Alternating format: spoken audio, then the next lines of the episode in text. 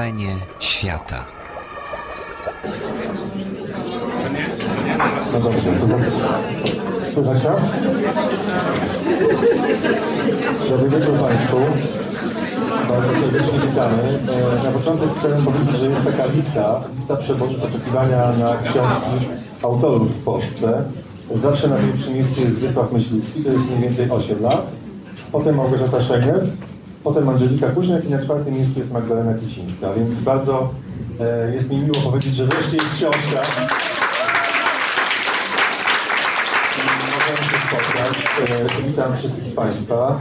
Najpierw zacznę od pań e, na scenie. Jest z nami dzisiaj wspaniała aktorka, która przeczyta fragmenty książki, pani Ewa Dołkowska. Dobry wieczór. No i wspaniała pisarka, debiutantka Magdalena Kicińska. Raz jeszcze. Znanych e, osób na sali, znajomych, przyjaciół, Magdy, naszych wspólnych, ale jest jedna osoba, którą chciałem bardzo szczególnie powitać, bo uważam, że to zaszczyt, że jest z nami. Pan Andrzej Mularczyk, dobry wieczór. Właściwie przydać panu Andrzeju, ale może spróbujemy. Proszę Państwa, e, chciałem... Nie powiemy, że pan Andrzej wchodzi. Ile? Jeszcze nie powiemy, ale zobaczymy, jak się wieczór rozwinie. E, Chciałem tylko zapytać, bo to zawsze jest ważne pytanie na początku, ile osób już przeczytało Panią Stefę? Dobrze, mniejszość. To jak coś nie powiemy, co Państwo wiedzą już, to proszę nam wybaczyć. Mamy nadzieję, że zbyt wiele nie zdradzimy. E, Za chwilę Pani Ewa przeczyta pierwszy fragment, ale najpierw chciałem zapytać Magdę o to, czy pisząc tę książkę o Stefanii Wilczyńskiej, o sobie, zrobiłem taki test, że tak mniej więcej 8 osób na 10 nie wie, kim była, nie wie w ogóle, że istniała, bo zawsze tylko Janusz Korczak, Janusz Korczak. Czułaś się bardziej reporterką, archiwistką czy detektywką? To i tak miałeś lepsze statystyki niż ja. Nie wiem, słuchać mnie? Może, może. Halo? Nie wiem, może pan, który nam pomoże. Proponuję zmianę mikrofonu. W oczekiwaniu na połączenie proszę nie posuwać muzyki. Raz, raz. Z życiem. E, to i tak miałeś lepsze statystyki niż ja, bo e, ja zazwyczaj się spotykałam z takim mm, mm, e, na hasło Stefania Wilczyńska, a czułam się i czuję się reporterką, bo tylko w takiej roli się chyba odnajduję, e, ale też i archiwistką, i detektywką, i frustratką po drodze, bo, bo w tych rolach e, starając się odnaleźć e, odpowiedzi na pytania, które sobie postawiłam pisząc o tej postaci, no często trafiam na ścianę, więc, więc z jednej roli przechodziłam w drugą, ale reporterką przede wszystkim. Ale na ścianę niepamięci, braku dokumentów, tego, że już nie ma z kim porozmawiać? Tak, tak. I jeszcze jest na szczęście z kim rozmawiać, ale to jest ten ostatni moment, żeby pytać o to, o takie rzeczy nieistotne z punktu widzenia wielkiej historii, ale ważne dla mnie, żeby ją poznać, czyli na przykład jaki kolor oczu miała, albo jak się uśmiechała, jak się zmieniała jej twarz. Jeszcze są osoby, które można o to zapytać. A jaki miała kolor oczu? Zdania są podzielone. Icio Belfer, chłopak, chłopiec numer 41, mówi, że fiołkowe, na co Szlomo Nadel, taki oburzony, zadzwonił i mówi, jak to, w ogóle nie słuchaj, co on ci mówi. Ciemne miała. Na tym zdjęciu czarno-białym, które jest na okładce i które widać za nami, e, pani Stefa, no moim zdaniem przypomina, mogłaby być babcią Moniki Schneiderman, szefowej wydawnictwa Czarne, tak bardzo są do siebie podobne. Koloru oczu nie widać, ale pani Ewa akurat o, o Stefanii Wilczyńskiej wie dużo. Jeszcze na koniec spotkania wyjaśnimy dlaczego, więc ze spokojnym sercem mogę poprosić panią o pierwszy fragment, który wprowadzi nas w świat Stefanii.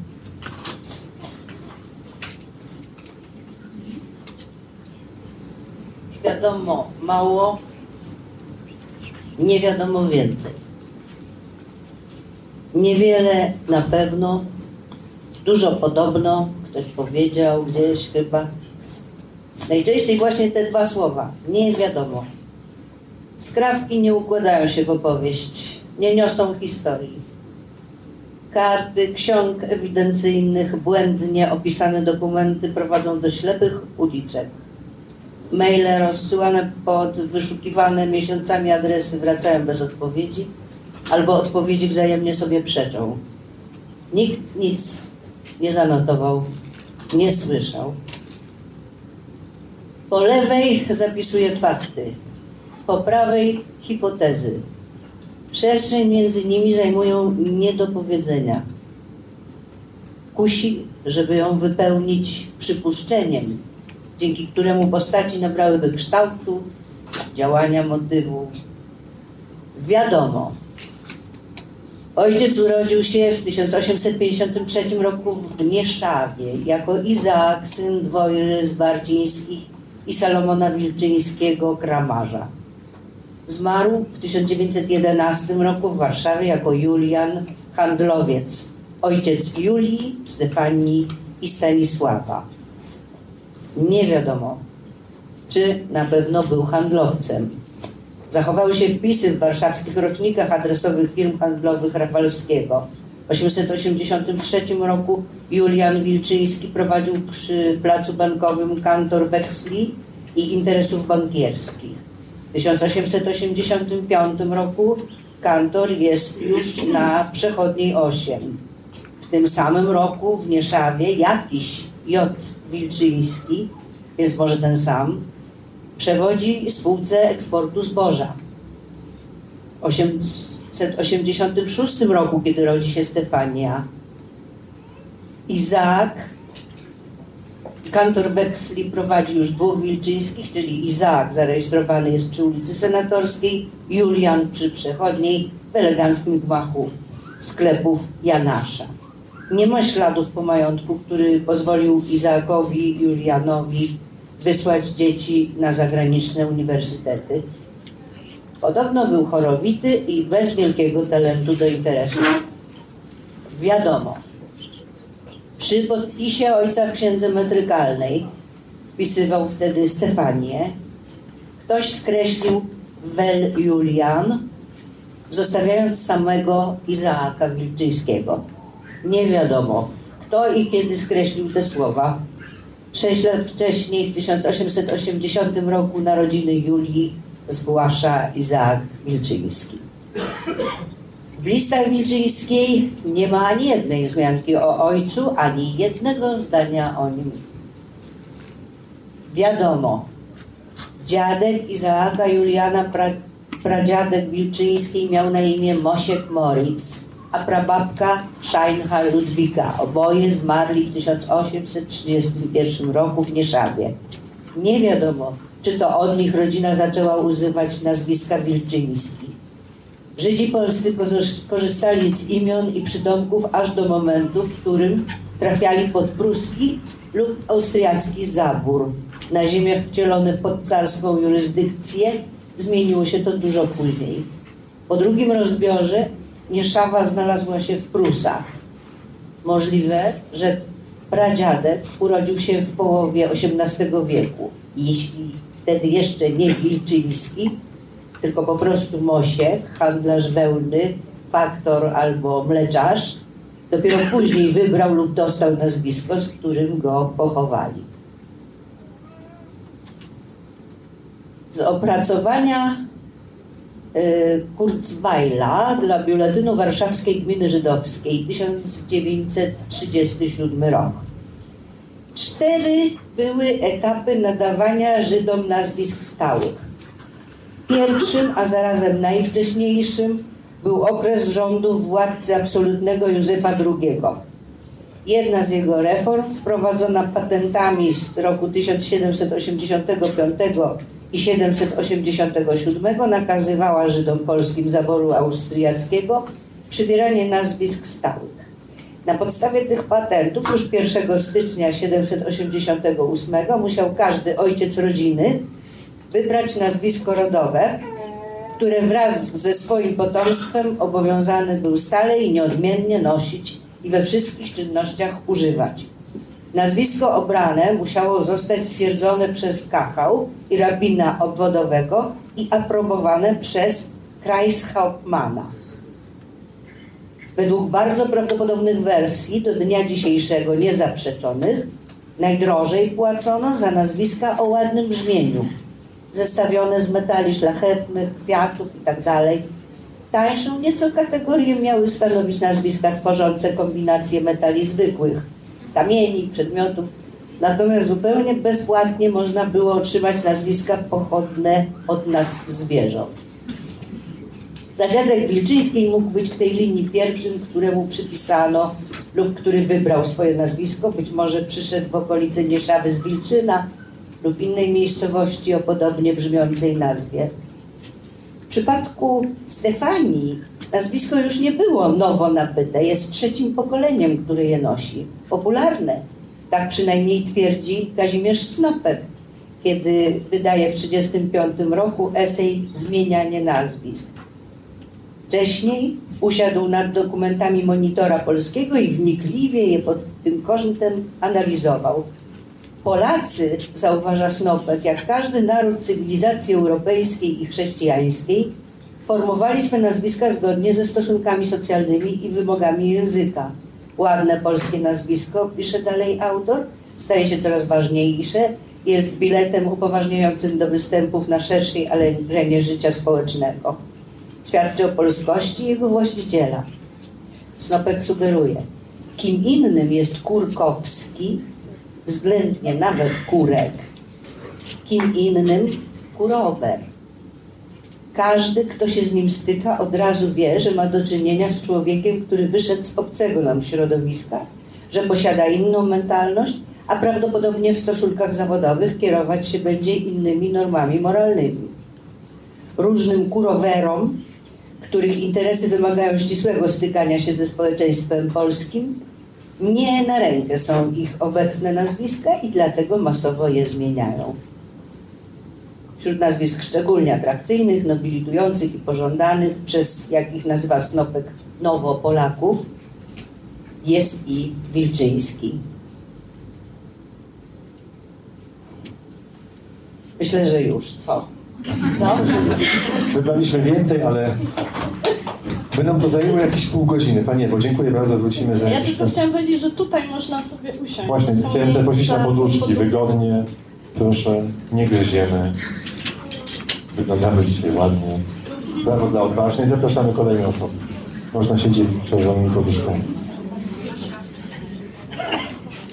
Dobra, to e, Państwo będą sobie siadali wygodnie, a my rozmawiajmy.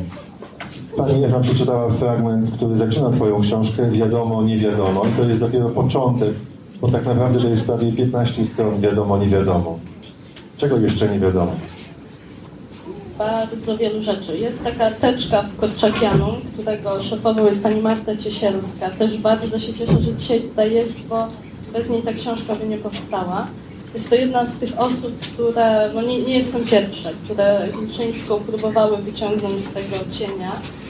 E, więc w tymże Korczakianum, e, który mieści się w budynku, który kiedyś był domem sierot, jest taka teczka dotycząca Wilczyńskich, na wyraz cieniutka. Jest tam tylko kilka kartek i, i te kartki były dla mnie punktem wyjścia. Jak się okazało po e, kilkunastu miesiącach dokumentacji, niewiele więcej mogłabym do tej teczki dołożyć, bo nie wiadomo naprawdę bardzo wielu rzeczy. Oczywiście w przypadku rodzin e, żydowskich no nie jest to nowa sytuacja, że, że dokumenty, archiwa, pamiątki rodzinne poginęły, E, ale no tutaj aż uderzające było to, jak bardzo wielu rzeczy nie wiemy.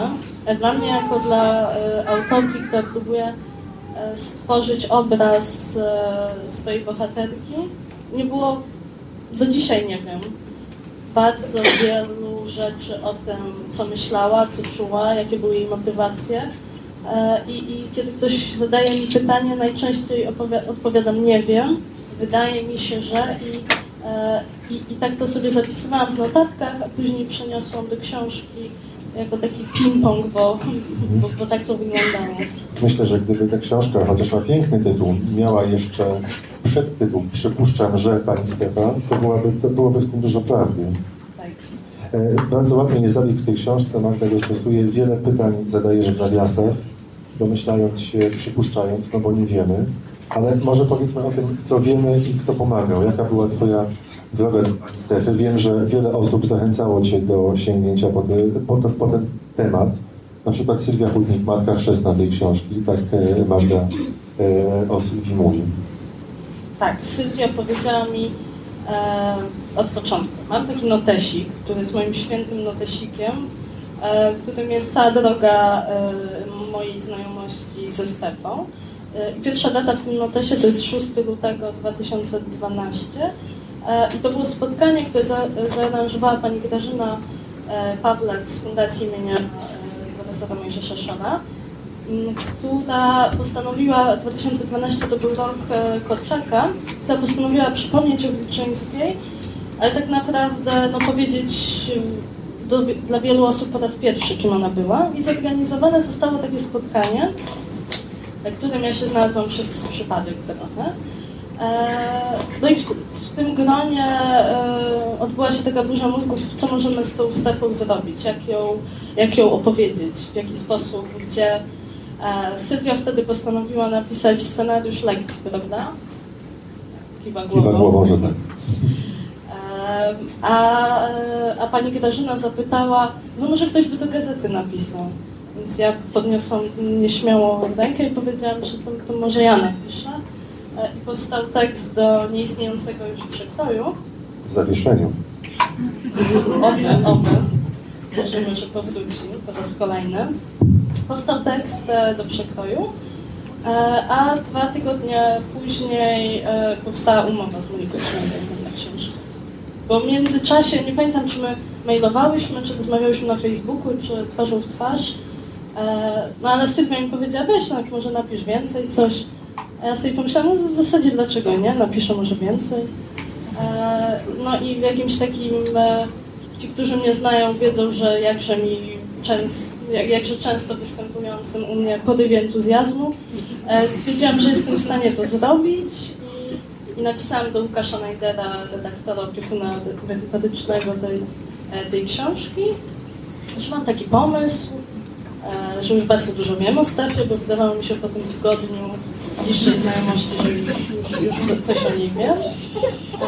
E, No i napisałam takiego 20-centymetrowego maila chyba, gdzie go przekonywałam, że właśnie jestem w stanie to zrobić i, i że w zasadzie to będzie chyba dosyć proste. 20 cm wzdłuż czy wszerz, bo to ma znaczenie. Tak. Tak. No dobrze, i on ci odpisał, że przed tobą 2,5 roku ciężkiej pracy. Nie, on mi napisał, że w takim razie porozmawia z Moniką i, i odpisał mi e, przed weekendem, że no bardzo mu przykro, się zaczynało że bardzo mu przykro, e, więc no ja nie dotrzymam do końca, bo mi też się zrobiło, zrobiło przykro i stwierdziłam, że pomyślę o tym jutro. E, czyli pomyślałam o tym w poniedziałek, wróciłam do maila i, i doczytałam, że bardzo mu przykro, że nie będę miała za dużo wolnego czasu, bo to robimy. I trzeba było zacząć. E, No, trzeba było ochłonąć i zadać sobie pytanie, cóżeś zrobiła. No dobrze. Długo trwało to otrząsanie. I teraz wróćmy do mojego pytania początkowego o bycie reporterką, archiwistką i detektywką, detektywem. Jak zacząć pisanie książki o kimś, o kim tak mało wiemy? Gdzie szukać śladów? Ja zaczęłam, jeżeli chodzi o pisanie, to zaczęłam od końca, czyli od, e, od, odprzejdź, od rozmów ze Szlomem, od rozmów Izraelu e, i od tych spotkań. Kiedy zaczęłam pisać, to od tego, a, a zaczęłam dokumentację od e, wizyty na Jaktorowskiej 6, czyli właśnie Korczakianu i zaczęłam czytać wszystko, co tam, e, co tam można było przeczytać. Zaczęłam wtedy właśnie moje pielgrzymki na e, na Jaktorowską 6, e, wertowanie teczek, równoległe też pielgrzymki do Biblioteki Narodowej, żeby czytać, żeby wykonać tą pracę domową, którą trzeba wykonać po prostu, czyli przeczytać jak najwięcej o, o kontekście. No i chodziłam z tym moim notesikiem, miały pory roku. Ja już się nauczyłam, jak przykładać rękę przez bramę, żeby sobie tą, furtkę otworzyć. E, też w toku to zauważyłam jakiś czas później, kiedy sobie skserowałam ten mój notes, e, bo się bałam, że, że go gdzieś zgubię, że e, im częściej tam przychodziłam, tym w nagłówku swoich notatek przestawałam pisać jak Torowska 6, a bezwiednie zaczęłam pisać Krochmanna 92 i e, To jest adres domu święta. to jest adres tego miejsca, które, no, które dla mnie no, jest bardzo ważnym miejscem i, i i sama obecność w nim, tam się dzisiaj mieści e, nadal niestety e, dom dziecka. E, sama obecność w tym miejscu i czytanie e, tych dokumentów tam było bardzo ważne i też bardzo tak oddziaływało na mnie. I, e, i negatywnie, to znaczy były to też często trudne emocje i, i pozytywnie, bo czytałam o tym, co było zamawiane do domu na, na, na stołówkę dla dzieci do jedzenia i, i, czułam e, obiad, który zaraz zostanie dzieciom na Jachtowskiej wydany. E, czytałam o dzieciach i słyszałam piętro wyżej, jak się śmieją, jak krzyczą, kwar, hałas. To było bardzo takie przybliżające doświadczenie. Ale to wszystko były ślady, bo jeszcze zanim o tym, skąd y, pani Stefa się wzięła, w sensie dlaczego taki, a nie inny wybór w jej życiu i poświęciła się y, opiece nad dziećmi, y, nad sierotami, to o tych śladach, które się zmaterializowały. To jest Shlomo Nadel, taki chłopiec w wieku lat kilku, 32, 33 rok przed wojną. 12. 12-letni. No właśnie, i tutaj w Polsce ślady, wspomnienia, litery, jakieś teksty, a tam człowiek, który pamięta. Z jakim uczuciem jechałaś do Izraela? Z niepokojem, czy, czy ich pamięci jeszcze Stefa jest, jak ona jest obecna, no ale też z wielką radością, że poznam osoby, które, które tam były i, i dla których to był dom, prawdziwy dom i prawdziwy świat i ich świat i ich Polska z lat 20-30. E, No ale też, no tak jak mówiłam, z niepokojem, bo miałam kilka takich wcześniejszych prób jeszcze z Polski, kontaktowania się z osobami, które coś mogły o Wilczyńskiej powiedzieć i one też bardzo się cieszyły, zresztą jest w książce taki fragment na tę rozmowę, a kiedy do niej dochodziło, okazywało się, że jednak przepraszamy, nie pamiętamy. Pamiętamy jej obecność, pamiętamy jej ważność, ale nie pamiętamy tego szczegółu, który dla mnie był bardzo ważny.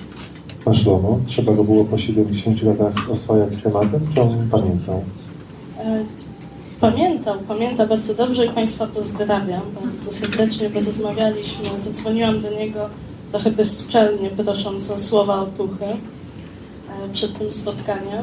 Mm, e, Pamięta, ale to też jest tak, że e, jak wiele osób, które przyjechały do, do Izraela, przeżyły to, co przeżyły, to, co też przeżył Szlomo, wracanie jest trudne, po prostu. I oni oczywiście mają, Szlomo jest często zapraszany do szkół, teraz już rzadziej, bo ma 95 lat i też nie jest tak sprawny e, fizycznie, ale e, oni mają taką swoją przygotowaną odpowiedź e, i, i są jej w stanie udzielić, ale kiedy się ich trochę wyrywa z tych, z tych kolei opowiadania, to jest im trudno. I, i, i, i, no ale to też jest cena, którą trzeba zapłacić za to, że się kogoś tam próbuje znowu wysłać w ten czas, który no, jest najboleśniejszym czasem w ich życiu.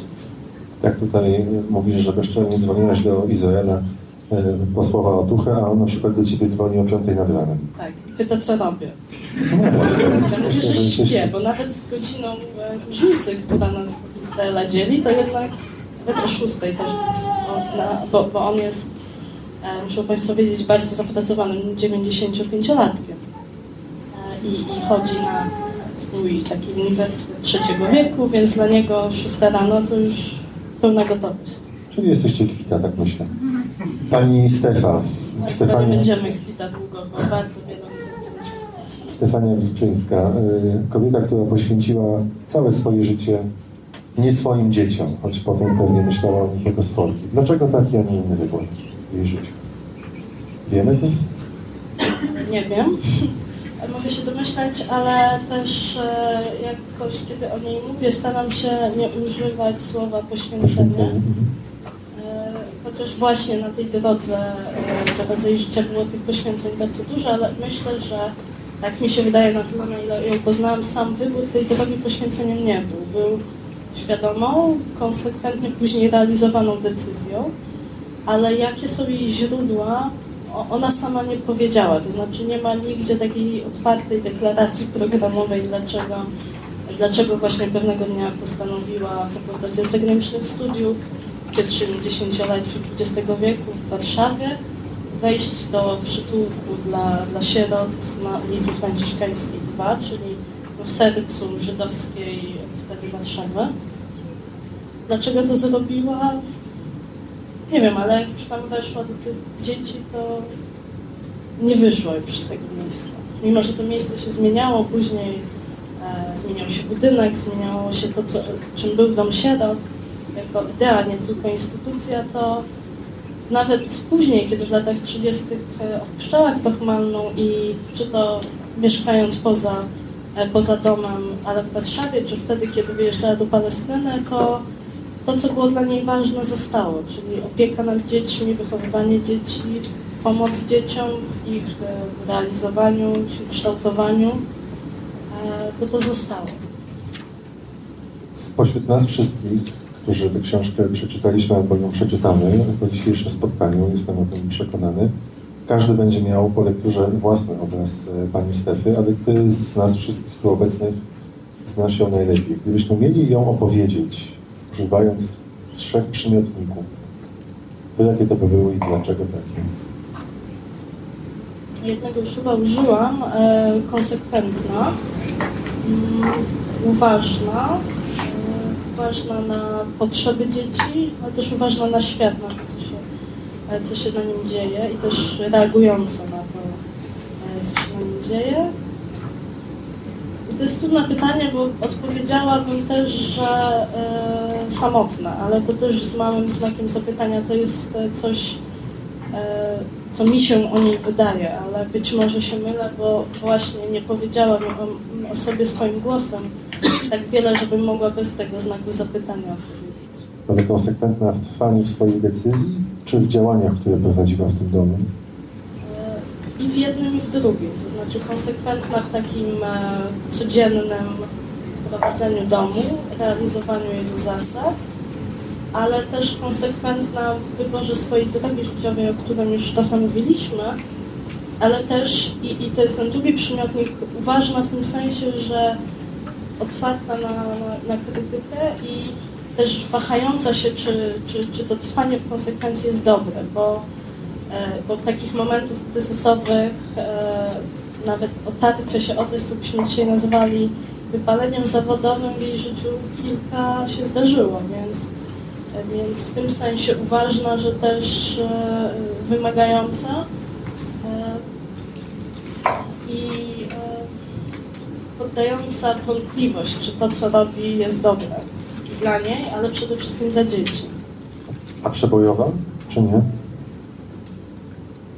No myślę, że dzisiaj by powiedziała, znaczy w duchu by się cieszyła, że tyle osób przyszło, ale tak na pierwszy to by tak ogarnęła tę salę wzrokiem i powiedziała, że zawracanie głowy i moglibyśmy się zająć czymś bardziej pożytecznym niż rozmawianiu o, o jej dokonaniach, bo, e, bo przebojowa myślę, że nie, ale e, ja nie wiem, czy, czy musiałaby być. To jest chyba taki nasz dzisiejszy, bardzo popularny przymiotnik taki nakaz bycia przebojowym. No, chyba nie musiała być przebojowa.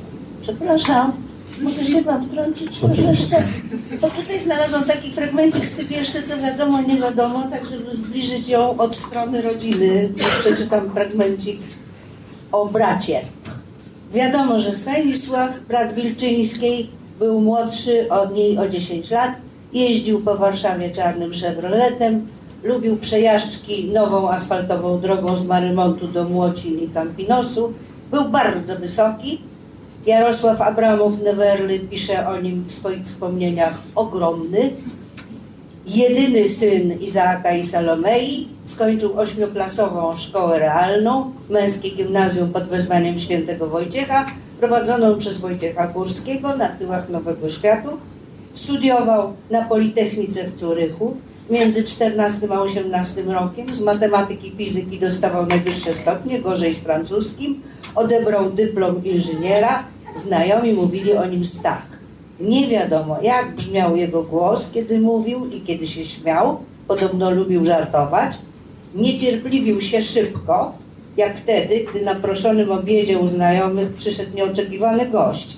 Zagaił pana domu, a wszyscy obecni musieli przerwać jedzenie.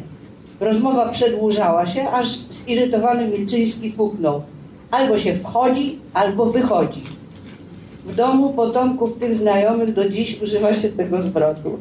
Wiadomo, służył w Wojsku Polskim, brał udział w wojnie 20 roku. Nie wiadomo, czym się dokładnie zajmował jako członek zarządu i dyrektor handlowy Towarzystwa Przemysłowego Kabel. Stanowisko, tytuł i Chevrolet w Warszawie lat 30. sugerują karierę. Kolacja w hotelu europejskim, na którą umawiali się co tydzień z zaprzyjaźnionym małżeństwem, była stanowczo za droga, ale nie umieli jej sobie z żoną odmówić. Wiadomo, piątkowe wieczory po szabasowej kolacji odwiedzał siostrę na Krochmalnej. Dzieci zapamiętały nie tylko elegancki samochód, bawił się z nimi. Długie nogi, olbrzyma, były dla nich mostem przerzucanym nad przepaściami w dalekich krainach, o których opowiadał. Jak nie wiadomo, jaki był stosunek Stanisława do tego, co polskie i żydowskie. Myślę, że Stach byłby dużo bardziej przybojowy. Dzisiaj pan dyrektor Towarzystwa Kabel był na sali. Pewnie by tu siedział i dogadywał z boku. Chyba taki typ. Y, To może przenieśmy się do tego domu, o którym pani Ewa zaczęła czytać. Krochmalna w Warszawie. Y, Taki fragment wyjmowany z twojej książki bardzo często i tutaj y, na okładce i w rozmowach i w recenzjach, to gdy jeden z twoich bohaterów y, cytowany mówi, że matką był Korczak, a to Stefa była prawdziwym ojcem dla tych dzieci, że to ona wszystko trzymała silną ręką i wszystkim zarządzała. To jak tam było w środku w domu? Na pewno gwarno, bo była tam ponad setka dzieci. E, no dziś w tym domu mieszka, on się oczywiście wielokrotnie zmieniał, jeżeli chodzi o samą konstrukcję, ale no, mieszka w nim e, o wiele mniej dzieci, a mi jest cały czas trudno sobie wyobrazić ten dom 70 lat temu, pełen właśnie setki dzieci. E, Każde z tych dzieci, znaczy imię każdego z tych dzieci e, i Korczak i Stefa pamiętają. E, Więc to był taki dom, w którym mimo, że był taki tłum, e, to każde dziecko było e, w swojej indywidualności dostrzeżone. I to też jest jedna z tych e, cech domu, która mnie się wydaje najpiękniejsza. To właśnie dostrzeżenie indywidualności dziecka i, e, i, i szacunek do, do jego podmiotowości, to były te fundamenty domu sierot, które e, zaprojektował e, przede wszystkim Janusz Korczak, ale które też między innymi Stefania Wilczyńska, bo nie tylko ona, e, jednak były takie momenty, kiedy ona zostawała na czele domu sama, ale też nie można zapomnieć o innych osobach, które w tym zarządzaniu tak wielką e, organizacją, tak wielkim organizmem, jakim dom, pomagały na co dzień. Ale kiedy się czyta twoją książkę, poznaje się zasady, y, które panowały w tym domu, jak tworzono ten dom, no to to budzi podziw, konsekwencja, to o czym mówiłaś, ale też pewne sztywne zasady, których nie można było przekroczyć, niezależnie od tego, co się wydarzało. To znaczy, to też jest tak, że e, oczywiście Stefa mm, stała na czele tego, żeby tych zasad nie łamać, bo, no bo tak jak mówiłam, ponad setka dzieci, które no też nie przychodzą z idealnych warunków, a wręcz przeciwnie, które czasami w dużej mierze po raz pierwszy tam słyszały właśnie, że mają do czegoś prawa, ale też, że mają jakiś obowiązek. I że są gospodarzami tego domu pełnoprawnymi, a nie gośćmi, klientami, określić. On, one są u siebie, w związku z tym też coś muszą do domu od siebie dać i, e, i, i, i na tym się też opierał ład panujący w tym domu, nie tylko na paragrafach e, i na Sejmie, i na parlamencie, i na gazetce, ale przede wszystkim właśnie tak jak mówiłam, na, tej, na dostrzeżeniu podmiotowości małych, małych obywateli domu siebie. Co to znaczy na paragrafach na Sejmie i na gazetce? Dom to był e, pra, prawie w pełni demokratycznie funkcjonujący organizm, który właśnie miał swój, e, swój sąd, który rozstrzygał sprawę, e, miał swoją gazetkę, e, miał swój e, harmonogram i, i też Icio, właśnie chłopiec numer 41 opowiada, że, że tak się czasami na przykład nie, nie akcentuje roli tej e, e, tej tablicy, ona była niesłychanie ważna, bo on po raz pierwszy dzięki tej tablicy, na której było napisane, co dzisiaj zjemy, co się dzisiaj wydarzy, po raz pierwszy miał w swoim życiu jakiś porządek. I patrzył na nią i wiedział, co się stanie, bo, bo przyszedł z takiego świata, gdzie nie wiadomo było, czy jutro nie zostaniemy wyrzuceni na ulicę, bo e, jest kryzys i, i właściciel fabryki nie zapłaci rodzicom. Więc, e, więc to są takie małe rzeczy, które się składają na cały ten system, które właśnie u, e, u swoich źródeł mają e, to wyjątkowe i myślę, że niestety niepowtarzalne e, przekonanie o tym, że dziecko ma prawo i przede wszystkim powinno być szanowane. Oni, myślę o dorosłych, też się oddawali, poddawali władzy tego sądu?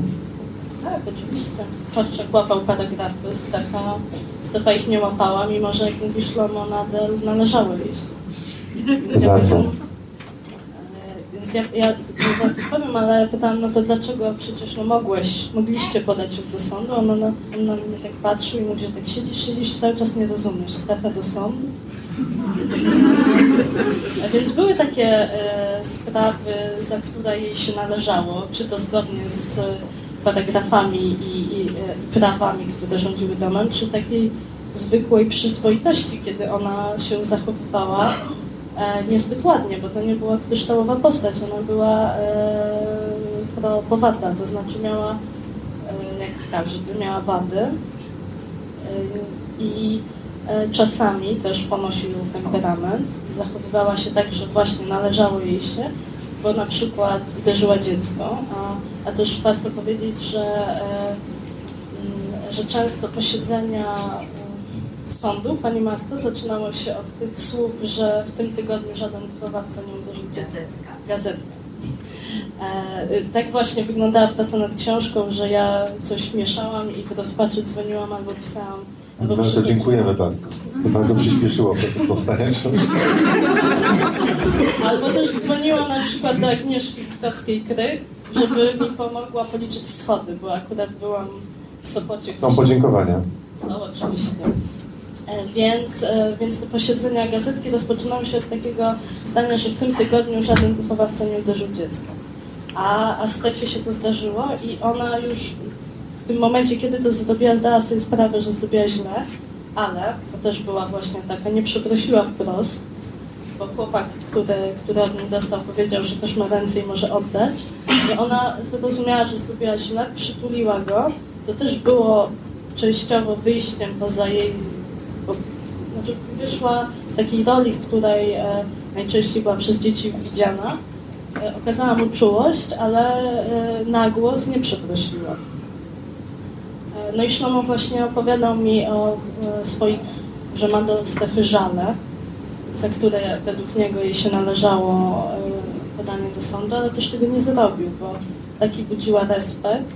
To nie znaczy, że oni się jej bali, czuli jakieś fizyczne, psychiczne zagrożenie, raczej i zwłaszcza to się pokazuje i, i, i mówią o tym, kiedy już sami dorośli i założyli własną rodzinę i byli rodzicami, że dopiero wtedy tak naprawdę rozumieli, dlaczego ona zachowywała się tak, a nie inaczej.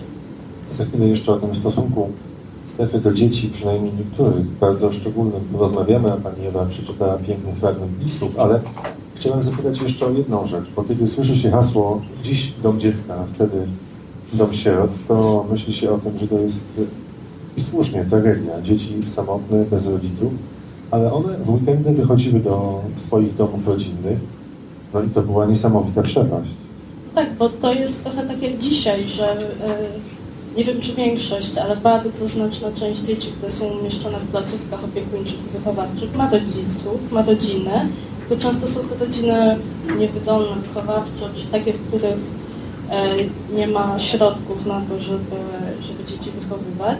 I tak jak dzisiaj, tak jak wtedy, tak, tak samo i wtedy to jest tragedia, że te dzieci są w placówkach, a nie, nie w rodzinach.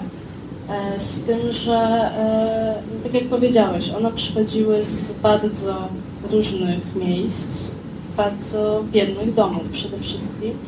E, I do tych domów wracały i różnie reagowały na te powroty. To znaczy niektóre czuły się winne, że one mają ciepły posiłek, mają ubranie, mają pierwszy raz na przykład swoje łóżko własne, nie kawałek silnika. a na przykład braciszek czy siostrzyczka zostali w tym domu, bo, bo też taka była zasada, żeby, że, że, że tylko jedno dziecko e, za rodzinę e, było w domu. E, No i one wracały i czuły się winne, ale też czasami czuły się e, no nie tyle nieszczęśliwe, co bały się, że już nie wrócą do domu. I, e, i trochę się cieszyły, że są z mamą czy z babcią, ale trochę czuły niepokój, że, że nie będą mogły do tego, jak mówisz Lamona, do raju wrócić. No, kiedy kończyły lat 14, to musiały wyjść. No i to był e, bardzo trudny moment, bo w bardzo wielu przypadkach wracały w to samo miejsce, niekoniecznie fizycznie, ale w te same warunki, e, do, z, których, z których przyszły.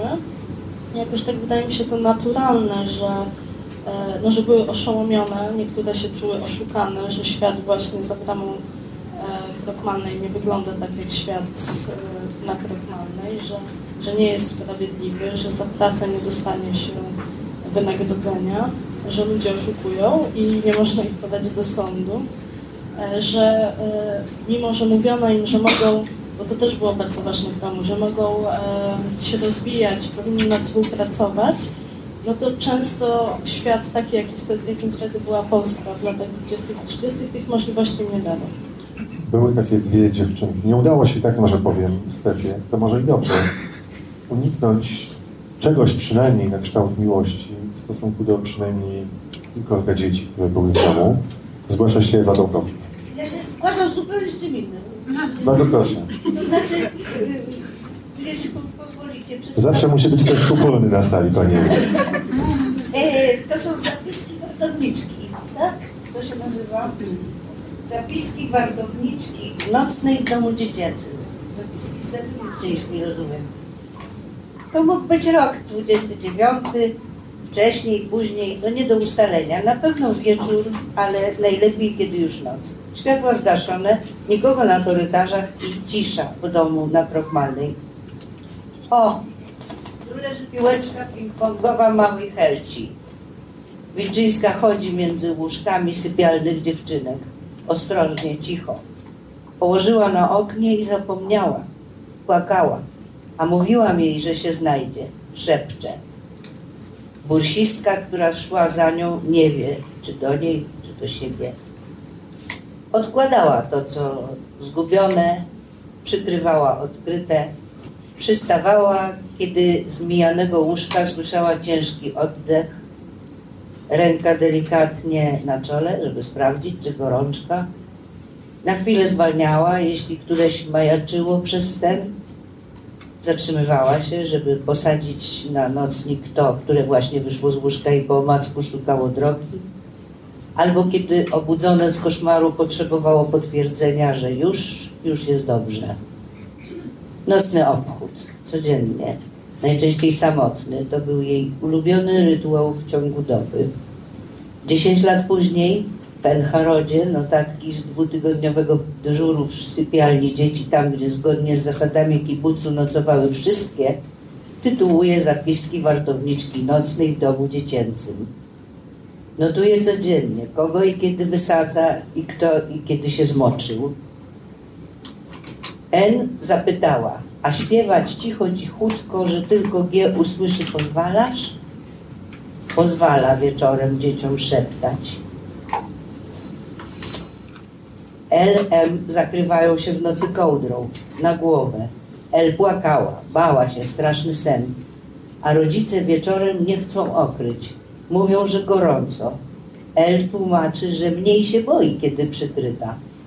W sypialni przebudzone na chwilę dziecko słyszy chrapanie sąsiadów, mówienie przez sen, kapanie wody z kranu, widzi albo obcą ciemność, albo skradające się cienie.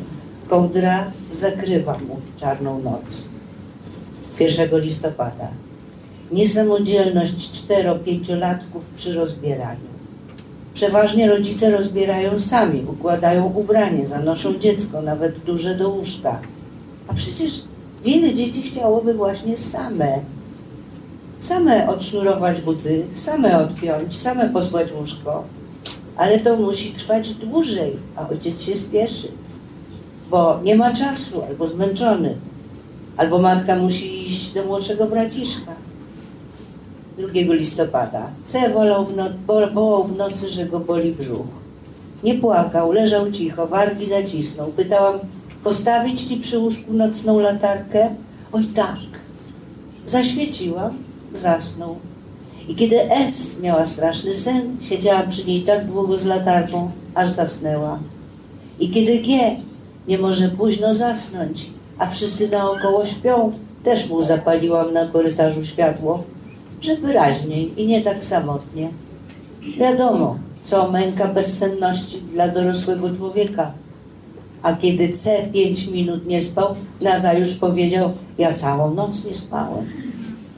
Zmyśla początkowe litery imion dzieci, żeby nie zawstydziły się, jeśli rozpoznały swoje strachy w opisywanych historiach. Ale wam tutaj pojechałam do przodu, co? To nawet dobrze, bo wyprzedziła Pani kolejne pytanie. Dziękuję. Może być Pani prorokiem, jeżeli chodzi o kolejny fragment też. Pani Ewa Dołkowska. Brawo.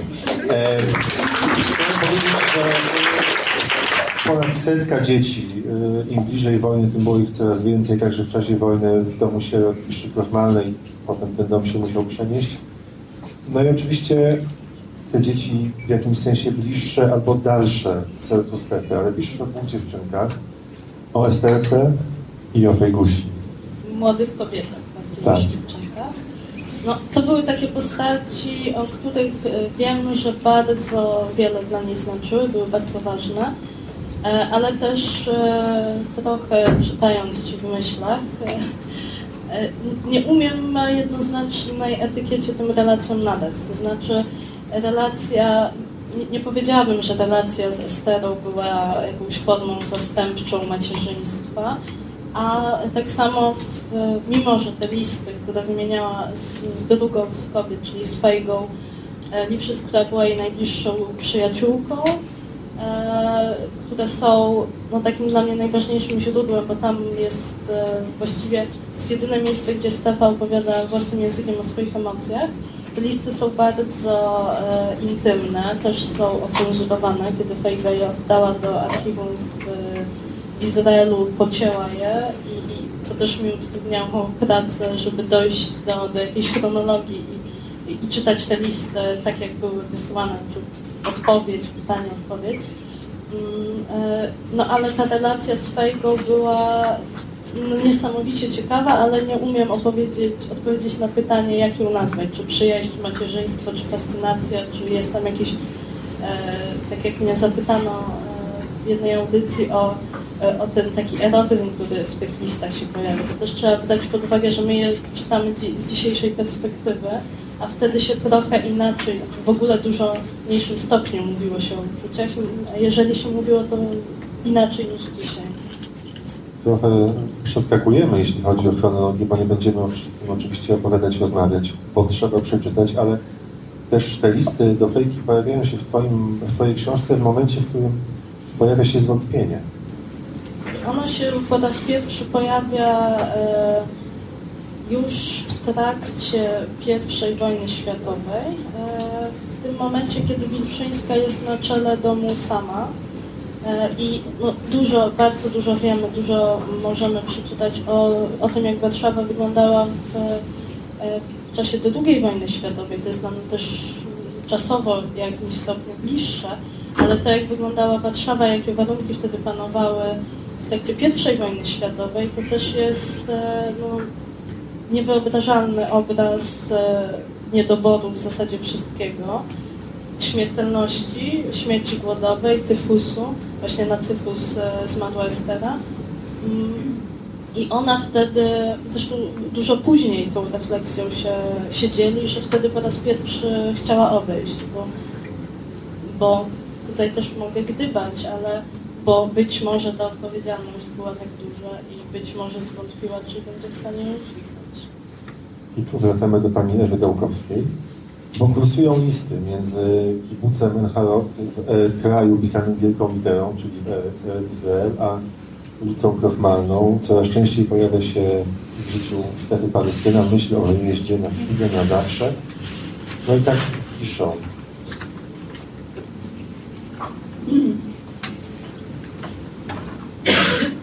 Czytam po kolei, wiecie. bo tutaj, no szczęście tak się modamy w różnych, prawda, no.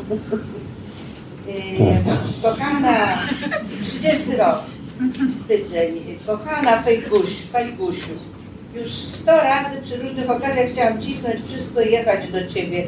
Twój ostatni list więcej mi jeszcze dodał apetytu, ale w tym roku wzięłam zobowiązania wszelkie do 1 września, więc dotrzymać trzeba. Powiedzieliście, że ona jest w Izraelu, Fejka, Fejka? Kibucu Enhard. Że ona jest w kibucu, to jest istotne.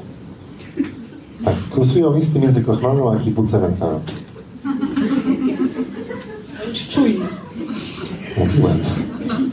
Mm, Ostatni twój tak. Pieniądze na podróż mam już odłożone. Matka sobie żałowała wszystkiego, żeby dla nas dwójki najmłodszych zostawić tyle, że starczy mi nawet na drugą klasę. Ale na razie trzeba domu sierot i bursy pilnować, o Gocławku myśleć, bo tam połowa personelu wyprunie. Niedobre ci piszę listy, ale to życie. O Basie i o Ruzie drże takie jakieś figurki filigranowe. Połykam twoje listy. Więc dzieci tam tak zahartowane, ale to może tylko tam urodzone. A ani słowa mi nie piszesz, jak tobie klimat służy, bo nie każdy z przyjezdnych dobrze go znosi. Wyjątki z twoich listów czytam Perecowi i Jakubowi, inne panu doktorowi, a co innego wybieram do naszego tygodnika, bo wszystkich to interesuje. A ja poznaję starą fajbuśkę z czasów kolonijnych, białostockich, prusiackich, nową jakąś odświętną, szukającą, rozglądającą się, ale bardzo mi bliską. Ja z nie mniejszym drżeniem i strachem i niepokojem czekam na rezultaty waszych prób i zmagań. Zaczęłam już uczyć się hebrajskiego, ale idzie mi bardzo ciężko. Czy to, że język trudny, czy że stary łeb zakuty. Chcę choć zdobyć 100 najpospolitszych słów potocznych. Trochę żałuję, że zajmujesz się nauczaniem, ale może to gospodarstwo było doprawdy zamęczące w takich warunkach. Hmm. Ja może przeczytam takie, kiedy tak... Nie. Proszę bardzo. Kiedy Fajgusia zaszła W ciąży. w ciążę. Może być? Bardzo proszę. Bo one korespondują, odwiedzają się. yy, Ona była dwa razy, prawda? Dobrze mówię? W Palestynie? W Palestynie. Cztery. E, A też córka Fejgi uważa, że pięć, że była jakaś Aha. potajemna podróż, o której tylko ona wie. W każdym razie no, pierwsza wizyta to chyba była w tym kibucu, czy jak to się tam nazywa. były. Wszystkie były w kibucu. Aha. Przepraszam, już musiałam się dowiedzieć. Zaraz. Teraz Kajka poznała, no mów. Bibera, poznała Bibera. I tak się nie, Nie mogła Justina, zdecydować. Był zupełnie inny Biber i nie mogła się zdecydować. Brzydki podobnie. No brzydki, tak Stefani tłumaczyła, ale tak kocha cię. Ona widzi, że, że dobrze ci z nim będzie. I przekonała Fejgę do, do Bibera. I zaszła w ciąży. Oni za szybko mówią. E, zaszła w ciążę. Otóż tam, no co się śmiejecie, to nie jest tak śmieszne. Zaszła w ciąży. Tak, pobrali się, Mazuta, jak to się mówi? Mazetą. Mazetą. U mnie w teatrze mówimy tak różnie, to, No to jest taki teatr, że tematyką zajmujemy. Tam się takie rzeczy dzieją, że razem można. Yy, choć, yy, yy, no właśnie, nie no nie, już mi tak spieszyli. Porządkujmy fakty. Fajka jest w ciąży z Biberem. Stefan przypomni list, albo odwrotnie, tak nie, bo Mazeltow i. Mazeltow, Mazeltow. Taką no- nowinę, że się pogra, to jeszcze sobie wierzyć nie chcę. Yy, do tej myśli i do tego faktu trzeba się przyzwyczaić, a ty myślisz, że tak od razu można przejść nad tym do porządku dziennego. Nie dziwię się wcale, że twoje nerwy nie wytrzymały. Książkach to bardzo poetycznie opisują. Zostać matką, aureola macierzyństwa, święte uczucie itd., itd. Ale ile znam wrażliwych kobiet, tyle tego brutalnego szoku rodzenia nie przeżyły bezkarnie przy pierwszym dziecku, szczególnie po 6-12 latach małżeństwa. Na przykład taka zrównoważona, zdawać by się mogło, Sztokmanowa Różka, to nasza gospodyni wychowanka, urodziła prawie jednocześnie z tobą, też za wcześnie, według rachunku lekarza o dwa tygodnie. Po dziewięciu latach współżycia pierwsze dziecko i przez pierwsze tygodnie zamiast się cieszyć, chcieli obydwoje córkę i mają córkę i bardzo się kochają, wciąż płakała i płakała. Aż się wstydziła swojego stanu, bo nie mogła go sobie wytłumaczyć. Widocznie coś w tym musi być, kiedy nawet kasa chorych, niezbyt demokratycznie urządzona, daje w całym świecie dwa miesiące urlopu kobiecie po urodzeniu dziecka. Przecież proces fizycznego odrodzenia nie trwa tak długo. Widocznie jednak biorą pod uwagę i psychiczne nastawienie. Oprócz życzenia, by matka w pierwszych dwóch najtrudniejszych miesiącach miała więcej czasu dla dziecka, w kibucach jest inaczej. Ale przecież człowiek jest tylko człowiekiem. Może dzisiaj już jesteś na lepszej drodze, bo pisałaś 12, a teraz 25 wrzesień, a kiedy dostaniesz te moje słowa, będzie już 2 czy 3 października i twój syn, twój i Bibera syn, będzie miał już drugi miesiąc i będziecie codziennie szukali do kogo, z czego podobny i codziennie znajdowali inne podobieństwa. I przecież znacie i widzieliście tyle dzieci, a przecież właściwie żadnego nie widzieliście. Dopiero teraz zobaczycie, co za mądre, przemyślne stworzenie, taki miesięczny, kilkumiesięczny człowiek. Na moich wnukach nauczyłam się na niego patrzeć i podziwiać, jakie robię postępy z dnia na dzień, jak sobie radzi, co wziął po ojcu i po matce, co zdobywa swego co dzień, co godzinę, co minutę. I pewna jestem, najdroższa Wojkusiu, że się z nim coraz mniej będziesz czuła samotna, powiesz egoizm. I coraz mniej będę ci potrzebna. Bo kto wie, kiedy się zobaczymy. Czytając gazety widzę, że trudności przybywają. 37 rok. Że trudności przybywają i doprawdy nieważna jest sprawa jednego człowieka wobec tego, co się dzieje naokoło. Całuję mocno i pozdrów Bibera i leciutką rączkę pocałuj ode mnie neta i napisz o nim, bo przecież chcę go poznać. Słowa twój i Bibera syn podkreśla. Ja się bardzo cieszę, że dotarliśmy do tego fragmentu, bo to jest jeden z takich e, listów, które ja bardzo lubię. Jeden, znaczy lubię je wszystkie, ale, e, ale ten jest dla mnie szczególnie ważny i jeszcze jest podobny, które, halo? które, e, które napisała do e, nieustalonej z imienia wychowanki, która straciła dziecko. I to jest przepiękny list o, o empatii i o tym, że ona się nie stara pocieszać, bo, bo nie da się pocieszyć w, tej sytu, w takiej sytuacji. E, Ale też e, Michał chyba zna ten czytany przez panią Ewę fragment, bo niedawno była okazja, żeby, żeby mu go zadedykować. E, No i to jest też tak, że, że ty chyba, tak mi się wydaje, jeżeli dobrze pamiętam, chciałeś zapytać o, o to, że o to jej przywiązanie do niektórych postaci większe. No bo nagle, przepraszam, że wchodzę słowo w tym tekście, który pani Ewa czyta, pojawia się stwierdzenie po moich wnukach wiem. Bardzo osobiste.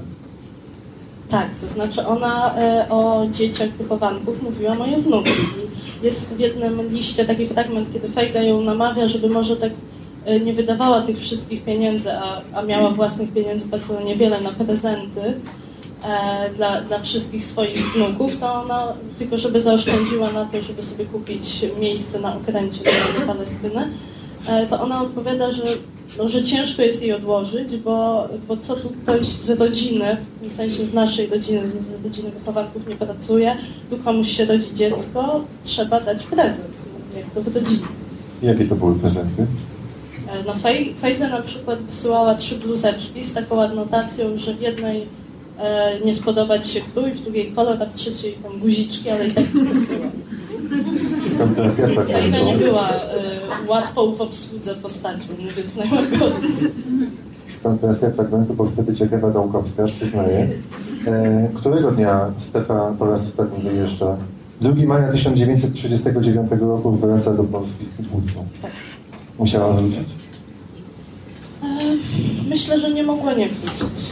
To znaczy, e, znowu się tutaj posłużę słowami Szloma, że jak oni mieli takie życie z Korczakiem, to, to jak oni mogli inaczej? To znaczy, e, tam nie było, też jak mówi Szlomo, żadnego wyboru. Znaczy, była teoretyczna możliwość, żeby zrobić inaczej, ale no właśnie tylko teoretyczna. To znaczy, e, już abstrahując od tego, że e, tak jak wspominają ją jeszcze do dzisiaj w kibucu, dzisiaj prawie 90-latkowie, wtedy nastolatkowie, którzy pamiętają panią, która tak dziwnie po hebrajsku mówiła, że no jedna z tych właśnie e, dziewczyn wtedy mówi i, i płacze do dzisiaj, e, że oni byli dla tacy niedobrzy, a może gdyby byli lepsi, to ona by została, albo by ściągnęła Korczaka i ściągnęła dzieci.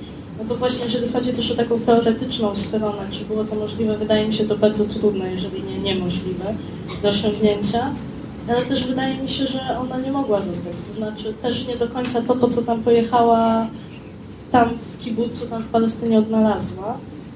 To z jednej strony.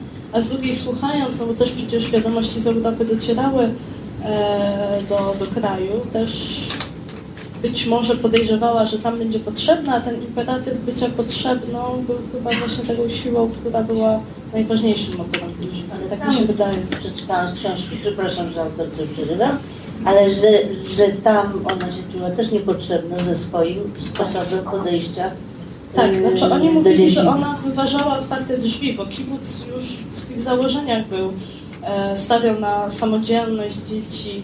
E, ona też, e, jedna z, z, właśnie z, z dziewczyn wtedy opowiadała mi, że wykonała jakąś pracę, taką, którą musiała w kibucu, no i Stefa ją pochwaliła. I ona tak, taka była nawet zła, że przecież za pracę się nie chwali, to jest nasz obowiązek, za co tu chwalić.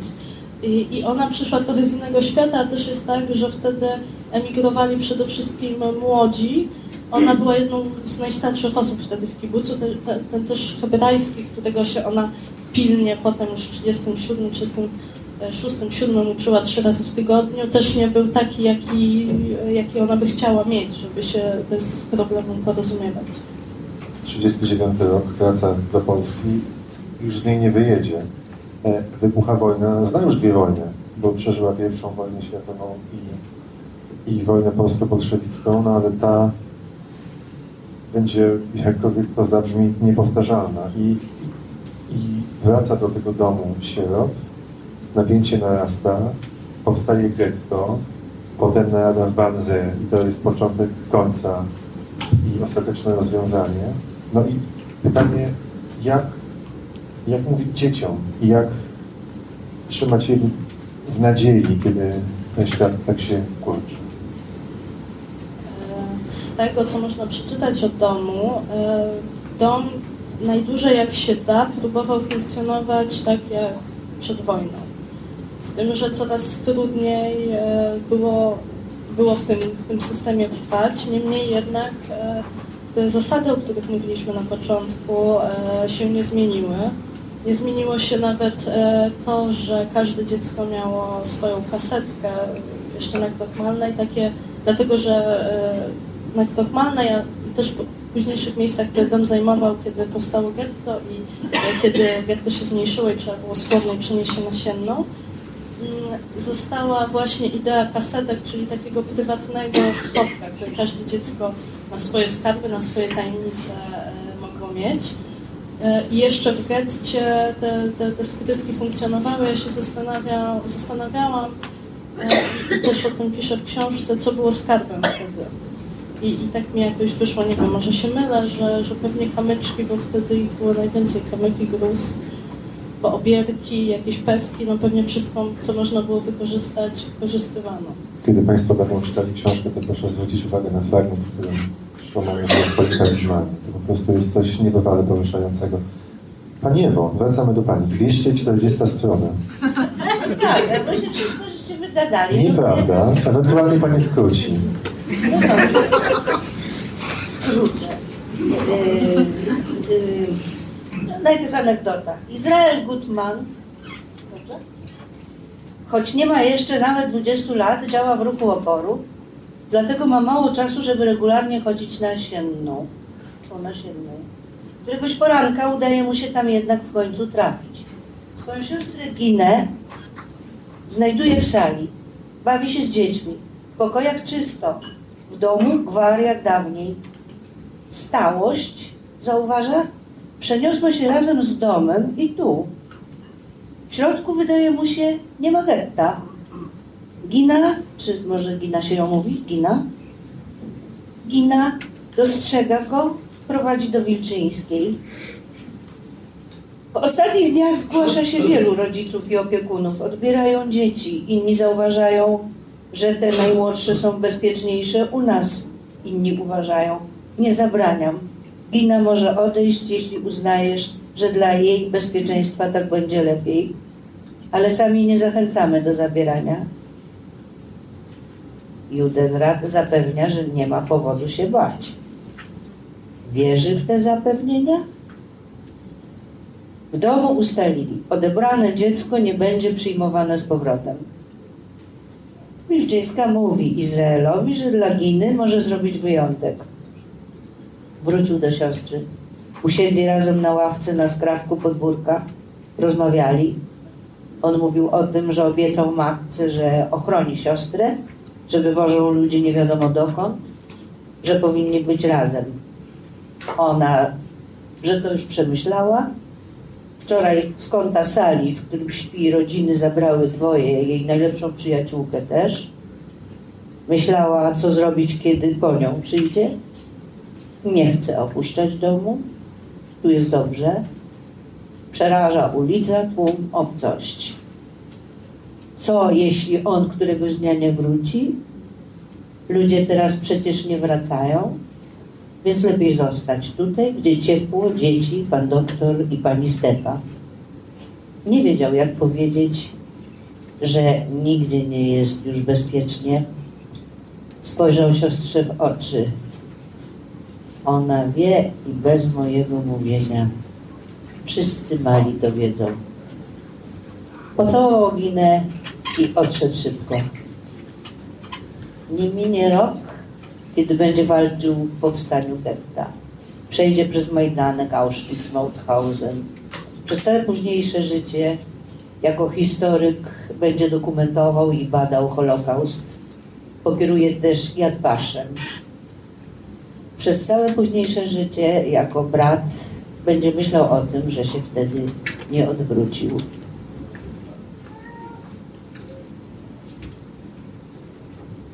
Coś chciałam wam jeszcze o.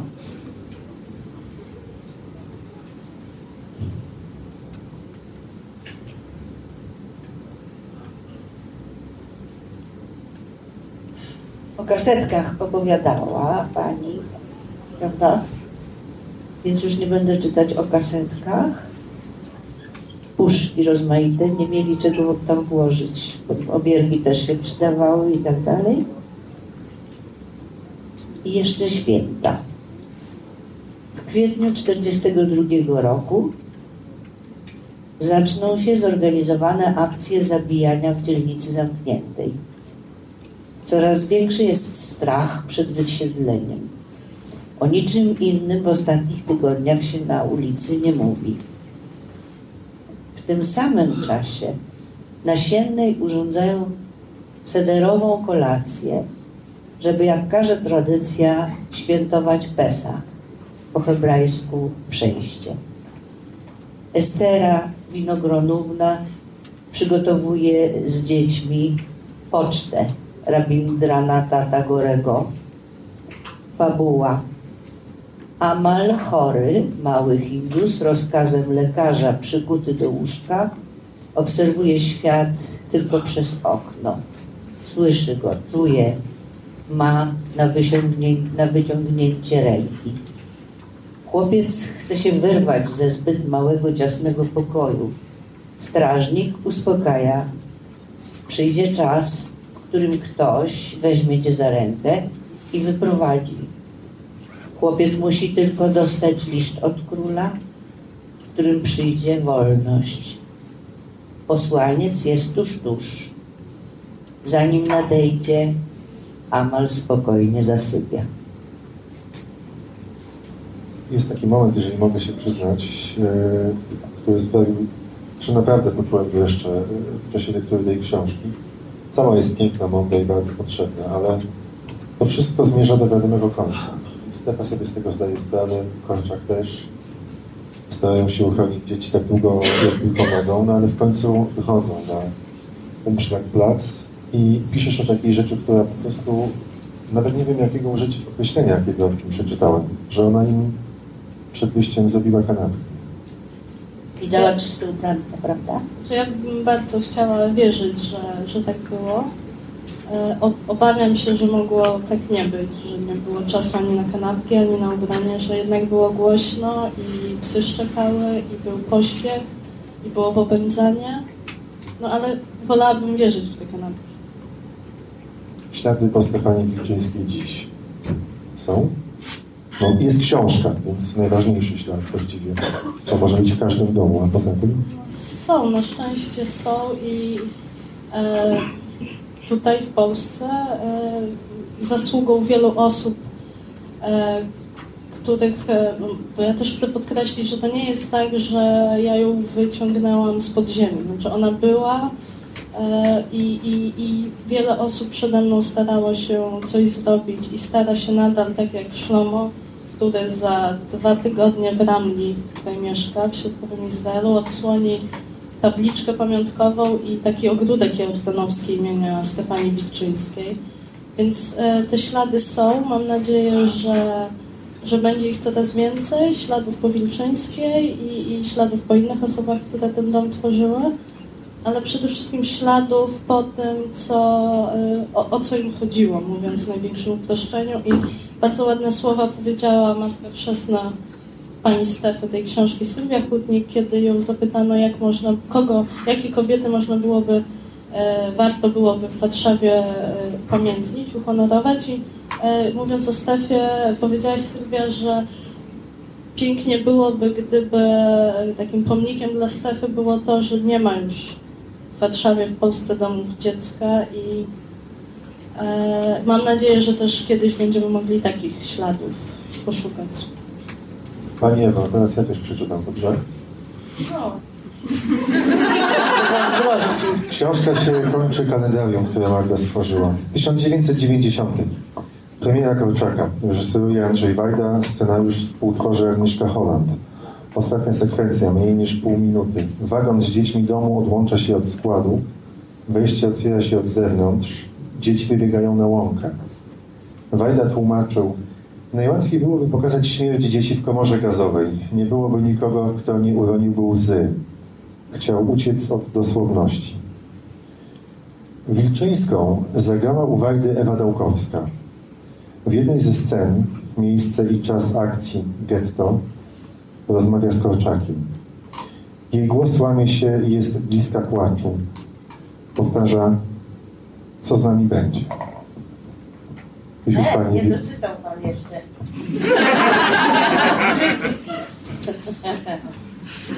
Bo nie jest ważna. Aha, właśnie. Bardzo ważne. bo ja- We francuskim Le Monde ukazuje się recenzja. Autorka zarzuca reżyserowi rewizjonizm. Krytyczny wobec filmu jest też Lanzmann, twórca dokumentu Shoah. Filmu, w tym także jego zakończenia, broni m.in. Marek Edelman. Ale jeszcze jest o pani też. No właśnie. Nie ma nikogo, kto mógłby powiedzieć, czy ten tom Ewy Dałkowskiej, prawie histeria, pasował do Wilczyńskiej, wtedy, w ogóle. I dzisiaj po lekturze książki myśli pani, że pasował? No ja za mało o niej wiedziałam. Za mało o niej wiedziałam. To znaczy, yy, bardzo nic prawie, no tak jak zresztą pani mówi. Yy, myślę, że no, można by było to ciekawiej zagrać w takiej sytuacji.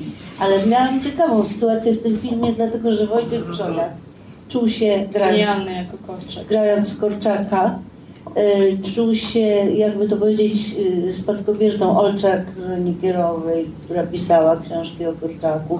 Pilnował Wajdę nieprawdopodobnie y, w- sensie takiej wierności Korczakowi. Robił to, co mniej więcej pani w tej swojej książce. Poszukiwał go, sprzeciwiał się. Myśmy musieli zawrócić pół filmu y, z powrotem do czasów przedwojennych, żeby nie zacząć od hekatomby i tak dalej. To były niezwykłe przeżycia.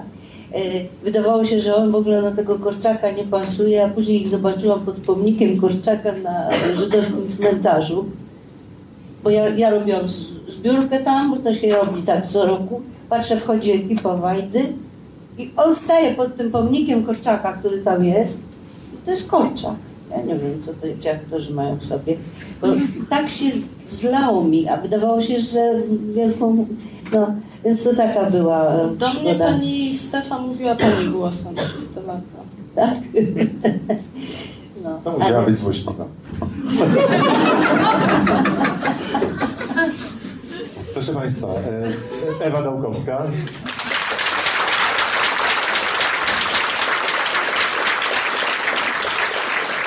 I Magdalena Picińska, e, Matka Pańska. Bardzo dziękuję.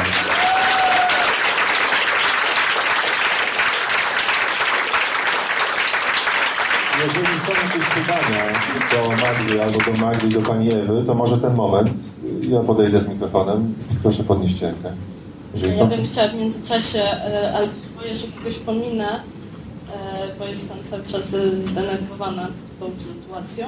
Mam odczytać podziękowanie Tak. Byłoby najlepiej. Ojej, to długo. Ale dobrze, to zapytam tylko, czy są pytania, bo jeżeli nie ma, to możemy pójść do podziękowań, Państwo będą się zbierać, będzie przyjemna rodzinna atmosfera. Czy nie? Nie ma, dobrze, myślę, że będą prywatne. Ta książka nie powstałaby, gdyby nie pomoc, życz- życzliwe rady, wsparcie, które dostałam od tak wielu osób. Dziękuję Monice Schneiderman nie tylko za zaufanie, którym obdarzyła debiutantkę. Marcie Ciesielskiej z Korczakianum, pracowni naukowej Muzeum Warszawy, bez której byłabym zagubiona w świecie korczakowskich archiwów za ogromne wsparcie i kibicowanie temu pomysłowi od samego początku. Agnieszce Witkowskiej-Krych nie tylko za pomoc w liczeniu schodów w budynku przy Kofmannej 92. Icchakowi Belferowi, chłopcu numer 43. A, cały czas mówiłam 41, przepraszam. Nie obrazi się. Ilianie Bernstein, Lenie Zenharodu. Bati Gilad, przewodniczącej Międzynarodowego Stowarzyszenia imienia Korczaka. Anat Bratmanen-Hallel, dyrektorce Archiwum Kibucu Bohaterów Getta. Fundacji MCKA Zatoka Sztuki za umożliwienie mi w ramach rezydencji artystycznej pracy twórczej w idealnych warunkach. Spotkałem ją tam rok temu w maju, była w histerii. Grażynie Pawł, kto zna jej podejście entuzjastyczne do świata, ten wie o co chodzi. Grażynie Pawlak, dyrektorce Fundacji imienia profesora Mojżesza Szora, która zrobiła tak wiele, żeby przywrócić pamięć o Stefanii Wilczyńskiej.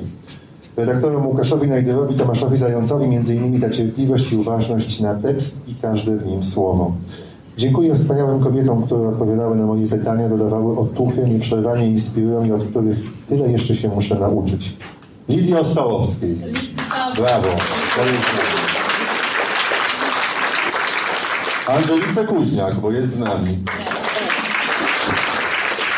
Sylwii Hutnik, bo jest z nami.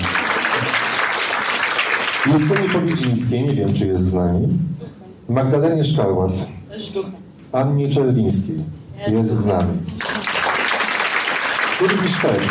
Też jest. Agnieszce Wójcińskiej. Jest, albo była. Jesteś Agnieszka jeszcze? Jest, brawo. Małgorzacie Wejmer, która przebywa w Tiranie, więc jest z nami duchem. Urszuli Jabłońskiej. Dziękuję rodzinie, przyjaciołom Marcie, Jannie, Michałowi, Justynie, Mi- są, są. Michałowi, Oli, Juliuszowi, Gosi i Basi. Specjalne podziękowania kieruję w stronę Szlomo Nadla, może zadzwoni, przewodnika po domu i przyjaciela. Kropka. Dobranoc. Dziękuję.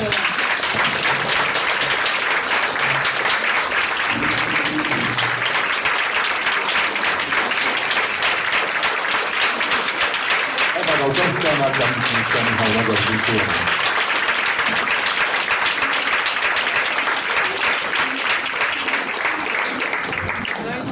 można ją całować. Już prowadzę. Fundacja Instytut Reportażu zaprasza do swojej księgarni z literaturą faktu i kawą Wrzenie Świata na ulicy Gałczyńskiego 7 w Warszawie. Wejście przez bramy Nowy Świat 48 i Nowy Świat 52.